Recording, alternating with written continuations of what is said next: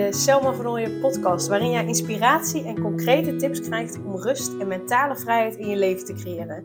Mijn naam is Selma van Ooyen en ik help ambitieuze moeders die zich opgejaagd voelen en verlangen naar overzicht en rust. Ik help hen overzicht en rust te creëren, zodat hun kinderen zo lang mogelijk kind kunnen zijn, omdat er thuis veel meer rust is. Heel veel luisterplezier!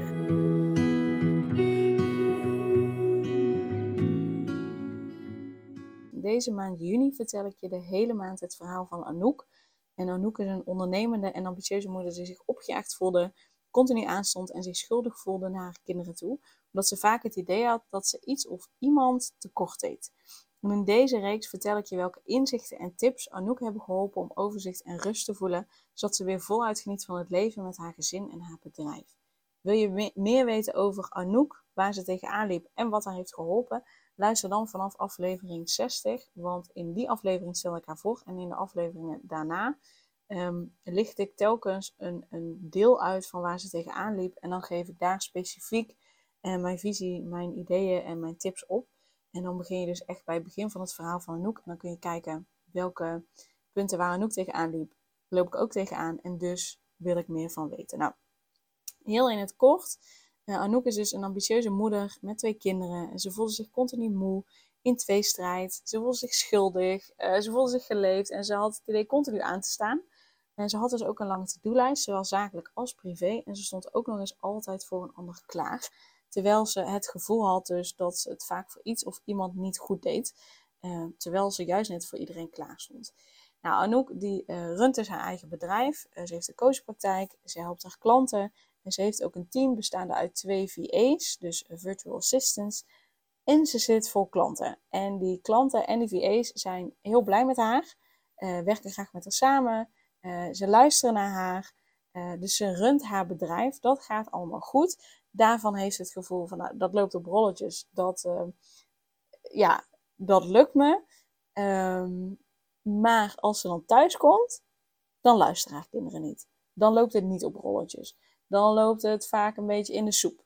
Bijvoorbeeld uh, als het tijd is om naar school te gaan, hè, dan, uh, dan wil ze dat haar dochter schoenen aandoet, haar jas aandoet en dus stopt met waar ze mee bezig is, speelgoed opruimt. Maar regelmatig is dat een drama. En we gingen dus kijken van oké, maar waardoor? Hoe komt het nou dat dat een drama is? En um, nou, dat, dat ligt aan verschillende dingetjes. Um, en in uh, aflevering 74 ga ik daar nog wat dieper op in. Van wat kun je daar nou uh, mee doen? Uh, hoe kun je daar nou handiger aanpakken? Dus dan heb ik het ook een stukje op over hoe kun je dat nou met je kinderen handiger aanpakken, zodat ze daadwerkelijk luisteren. Um, maar wat er, wat er gewoon gebeurde, was dat um, Anouk had haast. Had eigenlijk altijd haast. En ze deed haar best om dat niet tegen haar kinderen te doen. Maar goed, ja, als je je van binnen al opgejaagd, gestrest voelt, ja, tuurlijk reageer je dan vanuit daar. Je bent geen robot, je kunt je uh, gevoelens, nou, ik wou zeggen, je kunt je gevoelens niet uitschakelen. Nou, sommige mensen kunnen dat wel. Maar in principe, uh, ja, vanuit hoe je voelt, handel je. Hoe, hoe hard je ook je best doet. Dus dit is echt niet om, als je hierin herkent, om je af te rekenen. Helemaal niet. Want ik weet, je doet je best. Anouk deed ook haar best, doet nog steeds haar best. Dus het is niet om je erop af te rekenen, wat ook helemaal niet. Uh, maar het is gewoon zo, als je je opgejaagd voelt, ook al doe je nog zo je best, ja, over het algemeen voelen anderen dat en zeker je kinderen. Er is niemand die je zo goed kent als je kinderen. En er is niemand zo'n grote spiegel als je eigen kinderen. Uh, dus ze spiegelen eigenlijk gewoon weg hoe jij je voelt.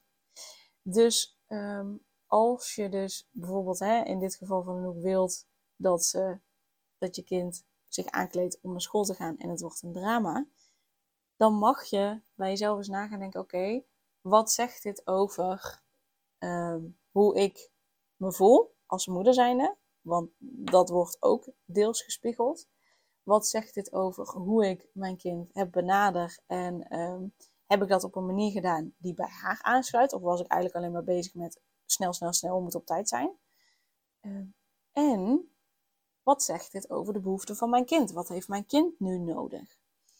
Uh, dus super logisch hè, dat, dat als het op je werk of je bedrijf dat dat wel loopt en thuis niet, Kijk, die andere mensen zijn ook volwassenen. Die kunnen zelf aangeven waar ze tegenaan lopen. Die kunnen zelf ook aangeven: hey, dit is niet handig. Dit is wel handig wat je nu doet.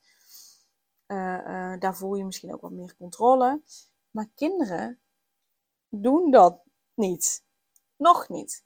Uh, kinderen mogen nog leren wat hun emoties zijn, hoe ze daarmee om kunnen gaan, hoe ze bepaalde dingen aangeven. Kinderen begrijpen hun eigen emoties nog niet. Dat hebben ze te leren van jou als volwassene.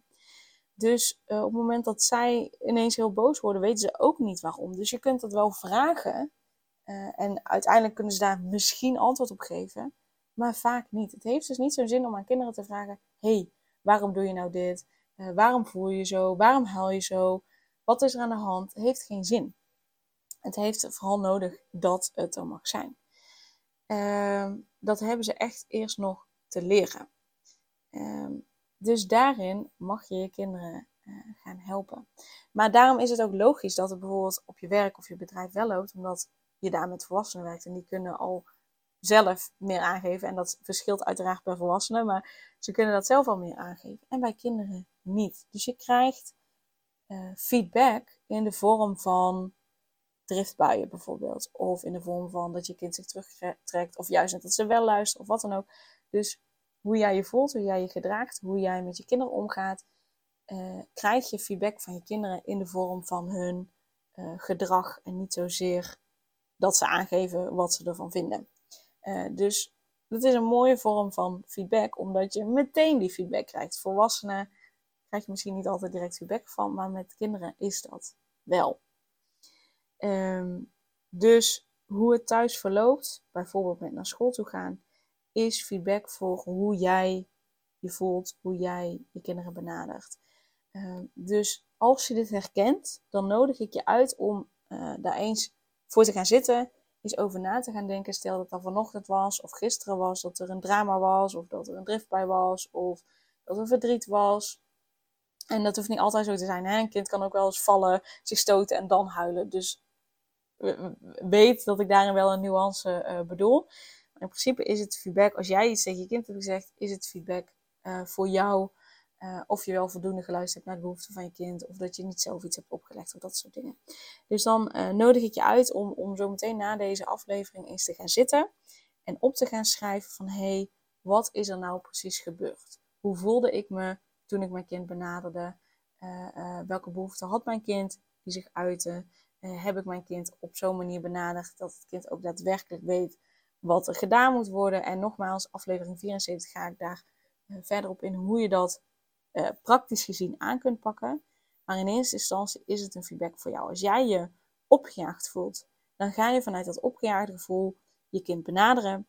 Uh, dan raakt je kind ook opgejaagd, voelt zich gefrustreerd en die uit dat meteen in gedrag. Op het moment dat jij rust voelt, dan voelt je kind dat ook. Als jij dus, als jij rust voelt, dan benader je kind vanuit rust. Dan zal het veel eerder meewerken. En tuurlijk kan het dan zijn hè, dat, dat, dat je kind zoiets heeft van nee, ik heb geen zin, ik wil verder uh, met waar ik mee bezig ben. Dat kan nog steeds, maar doordat jij rust voelt, is er ook ruimte voor, voor het kind om iets anders te willen. Omdat je dan heb je meer rust om vanuit rust uh, je kind te benaderen en uit te leggen waarom het belangrijk is dat je nu bijvoorbeeld gaat. Maar als je je al opgejaagd voelt, is er geen ruimte voor je kind om aan te geven dat het iets anders wil. Nee, want vaak moet het dan gewoon echt doen wat jij wil. Dus daarin zit ook een groot verschil. Als jij je opgejaagd voelt, kun je veel minder hebben dan wanneer je rust voelt. Als je opgejaagd voelt, is er veel meer en sneller strijd. En uh, uh, zal je kind veel meer en veel sneller een drift bij hebben of gaan huilen. Als jij rust voelt, heb je ook veel meer rust en ruimte om daar rustig de tijd voor te nemen. Uh, dus daar zit een heel groot verschil in. Dus luister vooral ook aflevering, even uit mijn hoofd, 12. Um, waarom het zo belangrijk is om, ehm, waarom het essentieel is om goed voor jezelf te zorgen en geen luxe. Omdat ik daarin ook wat meer uitleg over waarom het nou zo belangrijk is om, om dat te voelen. En ga dus ook aflevering 74 luisteren, want dan ga ik uh, verder daarop in. Op hoe je dat nou praktisch gezien en met je kinderen kunt doen. Dus dan hoop ik dat ik je hiermee mag inspireren om echt even te gaan zitten en te kijken die, die situaties die je thuis meemaakt. Wat wil me dat vertellen? Welke feedback krijg ik hier? En uh, wat kan ik daarmee doen? Yes, dus ga er vooral voor zitten. En uh, mocht je hier hulp bij nodig hebben, stuur me dan gewoon eventjes een DM. Dan uh, kun je de situatie voorleggen en dan kan ik je wat vragen stellen, zodat je daar beter naar kunt kijken. Dus um, ja, neem mijn hulp hierin ook aan. En dan kijk ik uit naar je berichtje. En dan gaan we samen daar even over sparren. Yes? Voor nu wens ik je in ieder geval een hele fijne dag. Doei doei! Super leuk dat je weer luisterde naar een aflevering van de Selma Vernooien podcast. Dank je wel daarvoor. En ik deel in deze outro nog een aantal belangrijke punten. Als eerste is het mijn missie om ervoor te zorgen dat alle kinderen van Nederland zo lang mogelijk kind kunnen zijn. En dat begint bij hoe jij je voelt als ambitieuze moeder. Daarom maak ik deze podcast voor jou en voor je kind of voor je kinderen. Gun je je kinderen dus ook een vrije en gelukkige jeugd, zodat ze zo lang mogelijk speels, vrij, onbevangen en onbezonnen kind kunnen zijn Vraag dan nu mijn gratis e-book aan 8 tips voor ambitieuze moeders om meer rust in je leven te creëren via mijn website www.selmavernooien.nl slash gratis-e-book. Ten tweede, wil je alle podcastafleveringen overzichtelijk onder elkaar en wil je als eerste op de hoogte gebracht worden als er een nieuwe podcastaflevering online staat? Abonneer je dan op de podcast door op de knop volgen, subscribe of abonneer te klikken. Ten derde, ondersteun je mijn missie en wil je ook helpen om alle kinderen van Nederland zo lang mogelijk kind te laten zijn? Laat dan een review achter in de podcast-app via waar je deze afleveringen luistert. Hoe meer reviews, hoe beter de podcast vindbaar is en dus hoe meer ambitieuze moeders en hun kinderen ik kan helpen. En tot slot, ken je andere ambitieuze moeders voor wie deze podcast interessant zou zijn? Deel dan gerust een aflevering met hen of deel een screenshot van deze aflevering op je social media en tag mij daarin.